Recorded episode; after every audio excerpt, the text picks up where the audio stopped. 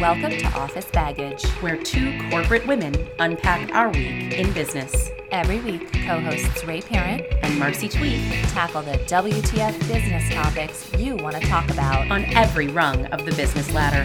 Bring your baggage. We'll unpack it.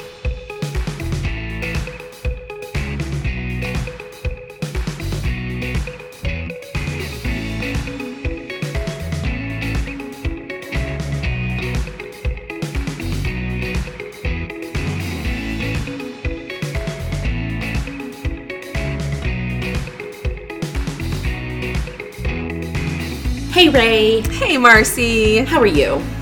Good. How are you? Good. Glad to be back in action. It is so good.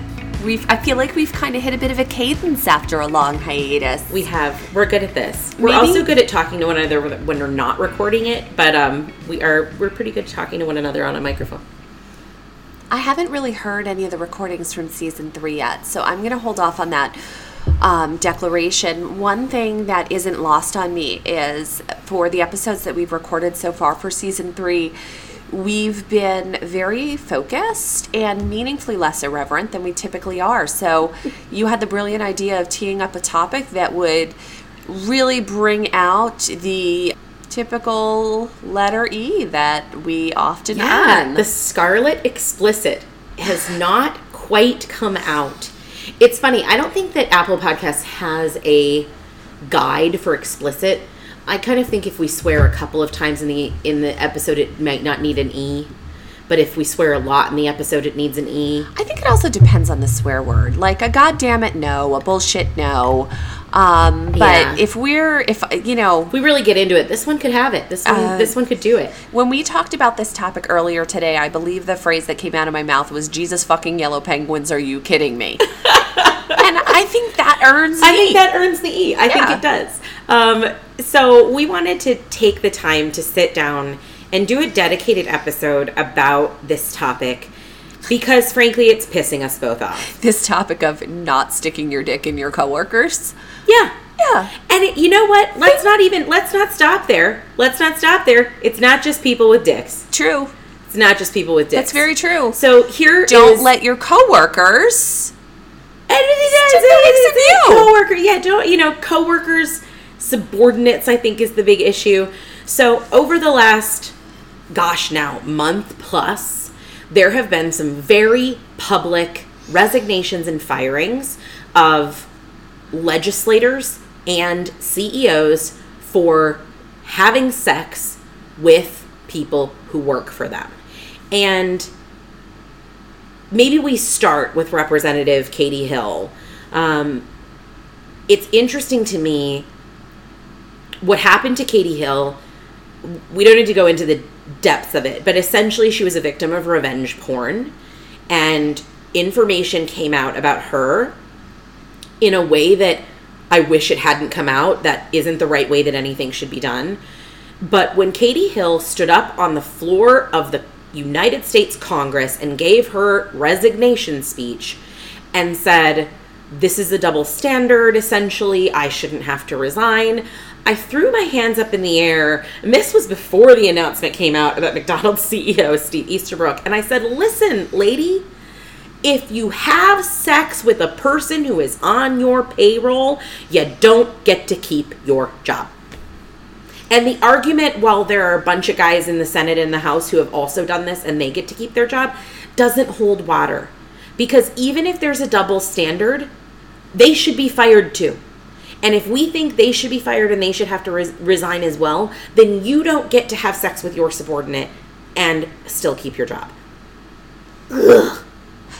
No disagreement. so, look, there's a couple of things here that are quite good. One, consequences are finally starting to be a thing. So, yay. Two, at least Consequences were not a thing when we recorded before. consequences were not a thing.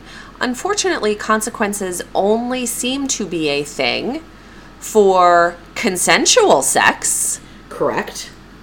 Women, Correct. although when we talk about our friend at McDonald's, and I know you love you some McDonald's. I do. Um, but what? So you know, totally a dude. But um, I, I think it's good that consequences are a thing. I think there are elements of Ms. Hill's speech that were incredibly moving and powerful and profound. I agree. I just wish it was not against that backdrop of the extremely poor decision to have an affair with someone on her payroll. Right. And that's just, I think there are places in business where the lines are hard and fast. And for me, and people can disagree, and there are people who disagree, that is a hard and fast line. So is it just about people you work with or is it truly about reporting relationships? I think it's about report. I think it is about. I think it's about two things. One, I think it's about reporting relationships. If you are a member of someone's either immediate or extended team, it is absolutely 100% inappropriate to have a sexual relationship, consensual, whatever it might look like. But the second caveat to that is that there are non reporting relationships that are hierarchical relationships that have inherent senses of power in them. And when we talk about Steve Easterbrook from McDonald's having an affair, a consensual, and really, let's not even say, I don't even, I think, I don't, I won't even go so far as to sully Steve Easterbrook's relationship even further by using the term affair. He had a consensual relationship. He was a single man, a divorced man who had a consensual relationship with a what I they haven't obviously her her name has not come out yet with what appears to be an adult single female mm-hmm. that was completely consensual. So I won't use the term affair. But it doesn't matter in my eyes who that woman was. It doesn't matter if she was general counsel or CMO or COO or an assistant in some random team at McDonald's or a gal behind the counter. Steve Easterbrook's position in that company is inherently a power differential from any other person in that company, and he is crossing a line by having a relationship with that person that is romantic or sexual in nature. Zero disagreement. It's so frustrating to me. stop doing it. I yeah, I don't know how to say this without getting myself into trouble, so I'm not going to say anything. You should rant, Ray. I'm ranting. Uh, Go with yeah, me. you Go are. with me on the rant. You are ranting. Well, it sounds so horribly cynical, but like, look, there's other people out there. Why this person, right? And so that that really is my cynicism, saying like, of course it's not love. Like, of course this isn't the one for you. It was a convenience. And like, if it were, this is the thing. If it were, let's let's pretend for a moment that you are the CEO of a publicly traded Fortune 500 company and you are working alongside a woman who let's even pretend I don't again, I do not know who this woman is. I am not a part of the Chicago rumor mill that is trying to figure it out. I'm just saying. Let's pretend that this woman is very high up, right? So that she's almost more of a peer than someone, you know, the girl behind the counter or whatever that might be. because that would be a major lifetime movie if it was the Fry Girl. Oh lord, it would be so so interesting. Right? It's almost lifetime Christmas movie time. It's very close. We have to talk about that in a minute. I but know. anyway, keep going. We're talking about No, sex now. Sex man. if if you truly and affectionately developed a a feeling for this person, right? The right thing to do if that were a clear moment of one of you having that feeling and I know that there are scenarios where this has happened in business is to put it on hold, lock it in a closet for a bit until I don't know, one of you doesn't work there. Right? And when you are that high up, you can get another job. You can use your network to move outside of that sphere. I mean, just think of the romance there. A gazillion dollar employed CEO of McDonald's quits his job to pursue the woman he loves. Steve, Right? my lord. Should have placed her in Burger King. It would have been like an incredible merger. Oh, Oh my gosh, I saw the best meme ever a little while ago. It was um, food mascots on a spectrum, and the spectrum was in the middle was fair fight. On the far right, it was I could definitely kick their ass, and on the far left, it was they could definitely kick my ass. And so, like, far left had things like the Jolly Green Giant and the Kool Aid Man and the Burger King King. fair fight was the McDonald's clown, right? Okay, and then so oh, far left is we could kick the ass of the Jolly no, Green no, Giant. no, No, no, no, we couldn't. Far left is the is they would definitely kick our ass. oh yeah, that. So uh, like the Burger King King looks like he could fuck a bitch up, doesn't he? and the Jolly Green Giant, you know he can whoop an ass. But then on the far right, which was my favorite, it was stuff like the hamburger helper hand oh my god. and the Pillsbury And the Pillsbury. And the one where I the one where I totally lost it and my husband just looked at me and was like, "What is wrong with you?" was the Gerber baby. oh my god. I was dying. Oh, we have devolved. Oh god. Let's be clear, I've always been this oh. low. I can just fake highbrow really well. Oh dear. Oh, I love it. Yeah, so anyway, it. I think that maybe he should have placed his love inside of Burger King or Wendy's. Amen. Because let's face it, Wendy's needs help. I mean, aside from the Frosty, what's the point? Yeah. And can we just talk about for a second, and this is true of, I mean, listen, our our dear friend who we've had on the podcast on one of our, our men men tell all episodes or whatever it, whatever it is would be angry with me for saying this because he's going to say I'm objectifying Steve Easterbrook. Steve Easterbrook is a good looking man, millions of dollars. He's a little toothy for me. Let's just okay. He's a CEO named Steve who's worth millions of dollars. I mean, his Tinder profile has got to get a whole lot of play. Why do you need to go fishing in the company pond? I'm sure you can get laid a lot of places in Chicago. Any woman wants free hamburgers. I don't know what's wrong with you know. Come on now, Steve. Stop fishing in the company pool. right? Uh, there, there. Well, that's a- different way of saying exactly what I said, which is like, look, you can kind of find anywhere, Yeah. right? So, look, um, hopefully it was the love of his life because clearly he lost his job over it. But what a damn fool! He did. I I will say I'll say something positive in the middle of this rant, which is kudos to the McDonald's board of directors. Now, I don't know obviously what they knew when they knew it. What came out in the Wall Street Journal um, was that the investigation into Steve Easterbrook's relationship with this employee started approximately three weeks ago. The general counsel brought it to the board sometime between then and the time they fired him. Um, I don't exactly know how long they knew about it, but kudos to the board of directors for McDonald's for number one, not trying to cover it up. And number two, recognizing that it was an assault on the values that they had set as a corporation for their top brass and for their leadership on the parameters that they've set for all employees and and good for them for really thinking that through and making those decisions. I'm sure that was not an easy meeting. I'm sure that was not an easy decision to make. So as long as we're talking about inappropriate ranty things, let's bring back the week in mansplaining. But it's really the last fifteen months in mansplaining It has been the last 15 months in mansplaining. because it's still a thing. Let's see how long we can riff on mansplaining. Because how many times have you been mansplained in the last 15 months? We all know I'm no mathematician, but I can't count that high. Yeah, me neither. I'll tell you a good one that was very recent, phenomenally awful and hilarious. So, there is a women's organization in Chicago that moved into a building earlier this year, and it's an older building. The building has had consistent plumbing issues during the time that they've been there, not just in this organization's office on their floor, but in the other floors of the building. They have had a horrible time getting this plumbing issue repaired because every time they try to talk to the building management about what's going on with the plumbing issues, the building management says it must be those women and their tampons.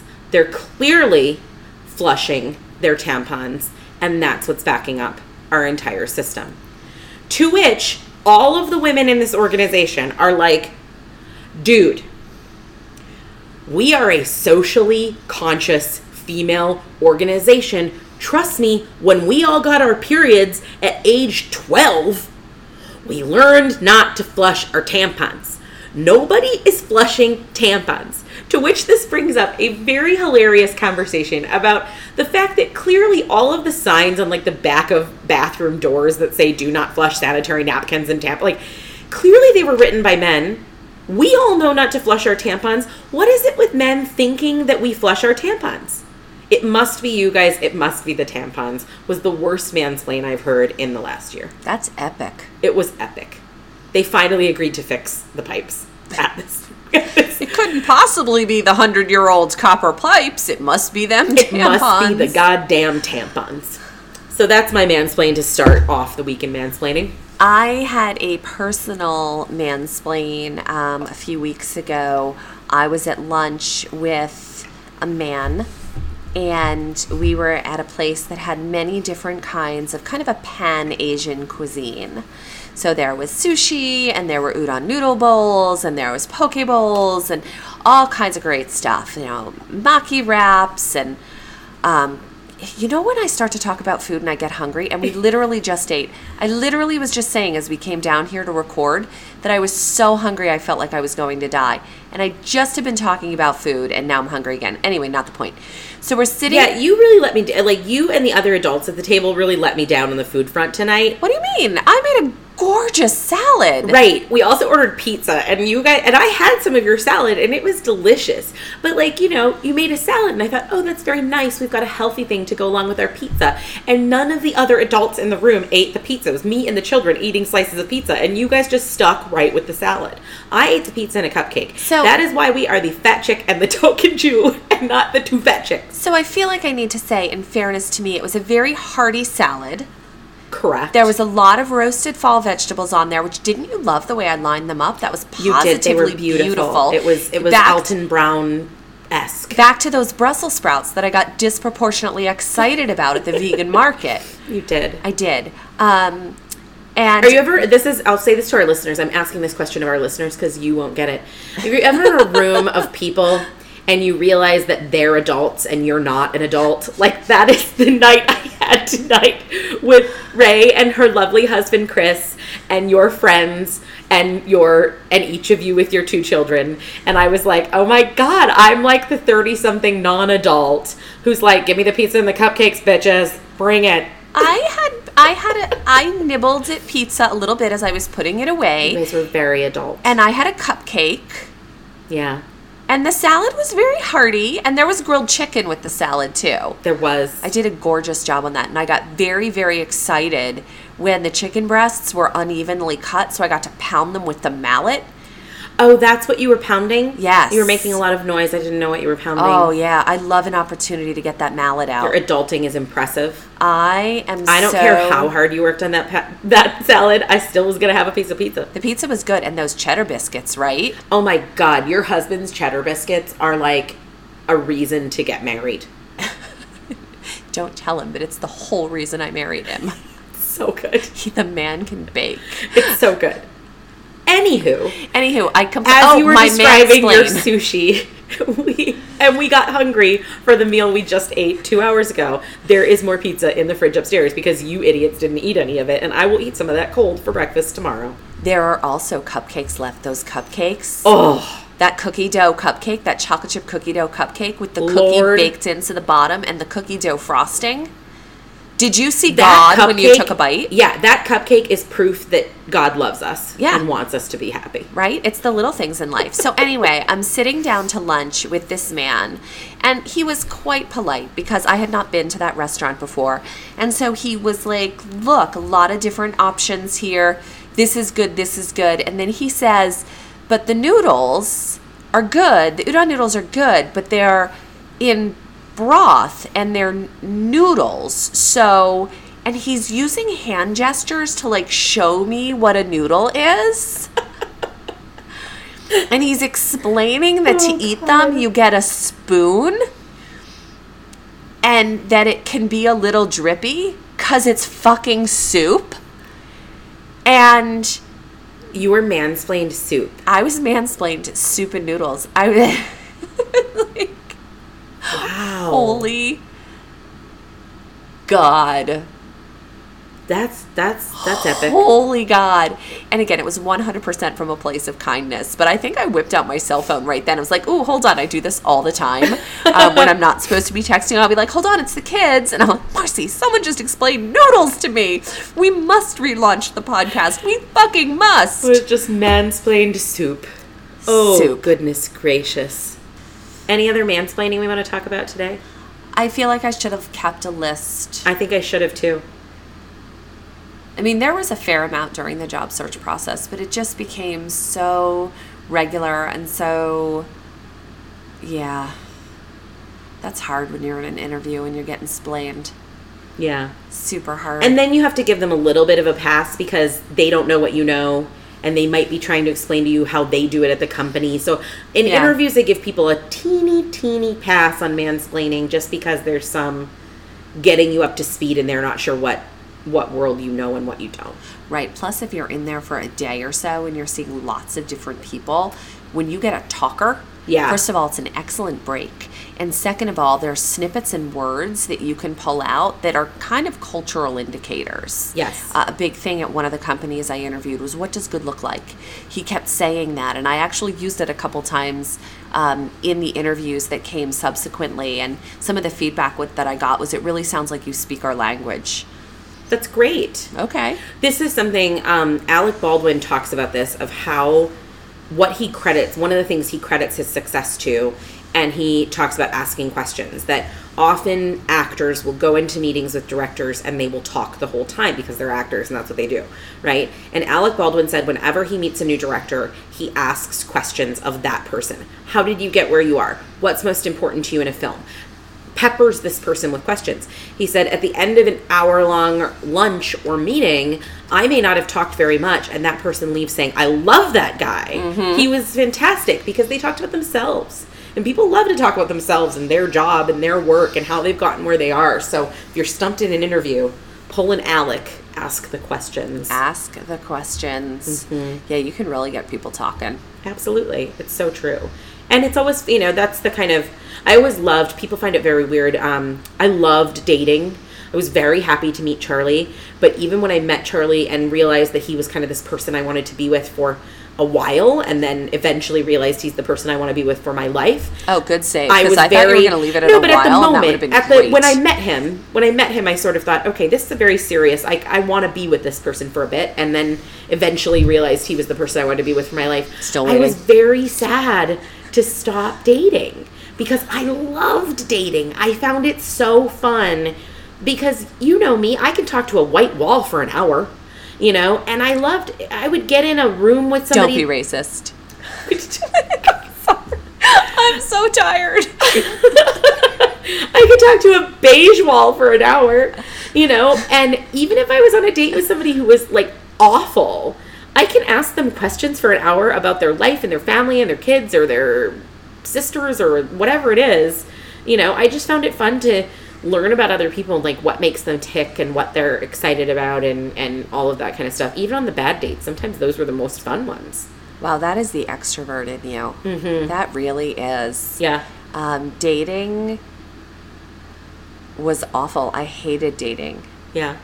I well, I love so much so. So I was a member when I was dating. I was a member of a dating service called It's Just Lunch, um, which has been the the butt of a many of a comedian's joke, and it is exactly what it sounds like. You you pay a certain fee, you get set up on. I think it was fifteen lunches or drinks and you know so it's really a matchmaker who does this for you and it's an expensive service it's like $1500 or something like that for i think it's 10 or 12 or 15 dates i can't remember what it was and at the time that i was doing it people were like i cannot believe you're paying this much money for it and i thought one of two things one i really i had been divorced young i really wanted to learn to date this was a way to get a bunch of dates and kind of do the practice, right? And two, you were qualifying men by the fact that they could afford $1,500 for It's Just Lunch. So, check box. You Right. at least have a job and the ability to write a $1,500 check. and some form of motivation Right. because so we have a fair amount of single friends right now and you've coined the phrase their lights not on Yeah.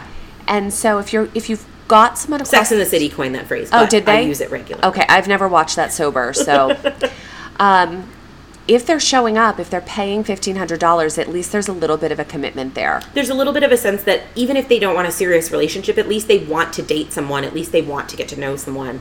And I had a great time on on some of those dates. I had some bad dates on some of those dates, but it was fun and I, I found it really interesting.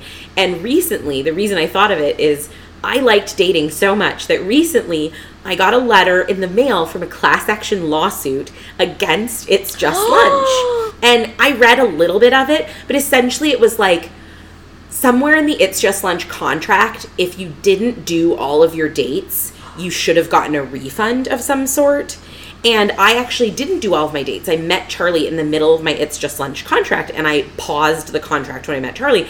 And I think I had like four or five dates left. So I'm getting this class action lawsuit thing saying like you were owed money. Like and you need to fill out this paperwork to get your money back. And I was like, I'm not filling out that paperwork. I liked them. They did a nice job. I am not going to join this class action lawsuit against It's Just Lunch. So thank you, It's Just Lunch. You gave me a very nice experience. I did not meet my husband through you, but you know, good for you. Happy with their service. Can you gift your dates to people? Like if I you meet someone halfway anymore. through, you can't do anything with them. I don't think so. That would be a super fun like that would be a fun fucked up Christmas present to give people. It would. It'd be like cell phone minutes. Right. Like, I have a leftover minute. Let me donate them to you. Or like airline miles. Or um, my personal favorite, vaccines in third world countries. Yeah. Gifting those to anti vaxxers. There you go. Yeah. There you go. But it's good. I love dating. I, I do, you know, I think uh, that's it's part of the reason I like networking because that you know it's meeting new people and having that you know first conversation. It's fun. I would rather shove hot needles up my toenails than network, date. Yeah, hmm I'll stop there. We are going to have um, my friend Camille Virginia on the podcast in a few weeks. Um, so this will be a precursor to that. She um, ha- runs a business and recently wrote a book about offline dating, sort of how to engage in the process that we have stopped engaging in of meeting people in normal places like the grocery store and bars and Target. And she's a brilliant person and her the thing she talks about which I'll talk to her about when we interview her in a few weeks is about engaging in I think she calls it instead of small talk big talk. Like how do you get past when you're talking to someone in the grocery store or you're talking to somebody for the first time at a bar, how do you get past the like stupid how's the weather, you know, what football teams do you like and get to asking really interesting meaningful questions that will engage you in a conversation that's exciting and interesting and open. And once you start getting used to having those kinds of big talk conversations instead of small talk conversations you won't hate networking or dating so much. It's a preview for camille. That sounds wonderful. Yeah, I'll, uh, uh, that could make networking feel a lot less fake, a lot less nice. And I put air quotes up for nice because nice is so superficial. You can fake nice. Small talk is a wonderful way to do it. But to get down to some things that are deeper and really tap into what makes people tick helps you really figure out if they're truly kind, if they're good, what interests them. So that sounds great. Well, it's flipping the script on a few different questions, and I can't remember if this was Camille's specific piece of advice or if I'm pulling this from somewhere else. But the idea of like we say things to someone like, What's new with you? And if you say something, What's new with you? The answer to that question is always Nothing. nothing much, no big deal. But if you say, What projects have you been working on at work that have been taking up a bunch of time for you lately? There's nothing you can say that is nothing much. You are going to really think about the projects that you've been working on Right. you know or what's you know what are those things that are kind of keeping you up at night lately you know what's on your mind all the time like those kinds of and it's finding ways to ask those questions that are interesting and provocative that keep that conversation going It's a pivot on the way I ask my children how their day was at school. Yeah. Because if you say to a child what happened at school today, you get nothing, right? Like what happens Right. at what happens at elementary school stays at elementary school. but if you say something along the lines of, "Hey, did anybody do anything today that made you laugh?" Or did you do anything kind for someone today? You can start to tease out some of those little vignettes, which are Right. much more interesting. Can I plug my book? Yeah. because I'm I'm I have never plugged my book because it's so it's quite old. Um, but for those of you who don't know, I wrote a book in 2012 called "You Know Everybody: A Career Girl's Guide to Building a Network That Works." That is all about networking. And frankly, I haven't plugged my book in the last couple of years because a few years ago, my publisher was sold to another publishing company that just also happens to publish Ann Coulter. No. yes. Have you and I not talked about this? She's the fucking I know. antichrist. So my publishing company was sold to a publishing company that publishes Rush Limbaugh and Coulter, Dinesh D'Souza, like a group of people who I could not more Did they reprint Mein Kampf too? It's Jesus fucking awful. Christ. So that happened in I think it was the end of 2017. I could be wrong about that, but but that's what I think it is. And since then, I have not taken money from them and I have not paid them for anything. You need to take money from them and you need to send it to Planned Parenthood. Well, I haven't. So actually, what I did, I'm very proud of myself in my transition this summer when I had some time on my hands. I pulled my book from their publishing platform and I have republished my book using Kindle Direct Publishing on Amazon. So my book is now republished as a Kindle, and you can also order the um, in print book still from Amazon Direct Publishing. So I feel much better about where things are going, and I no longer feel bad plugging my book because if you buy it, they get no money, I get the money. So please go buy my book. that is fantastic. A good plug. for you. it's one of those things I think as a as a corporate responsibility professional, there are places where you're expected to walk your talk and that was a place that was really important to me to walk my talk, but it was a heavy lift. It was not easy to have to go back and do the sort of republication and all the things that it takes and so I'm really really proud that I did it and happy that it's done. So That's wonderful. Thank you for do- thank you for doing that work. Yes, I don't want anybody who likes Ann Coulter to have any of my money. oh, well, this has been fun. This was a good episode. We ranted a little. I think we were more like our old selves Yeah, it was fun. with the big E on the episode. Oh, we earned that E. I We earned, earned that E it. a lot. I think if anybody was a betting person, they would not have had me at episode five or six. I think this is the fifth or sixth we've recorded until I copiously leveraged the F word. So, Woohoo! woohoo. There we go.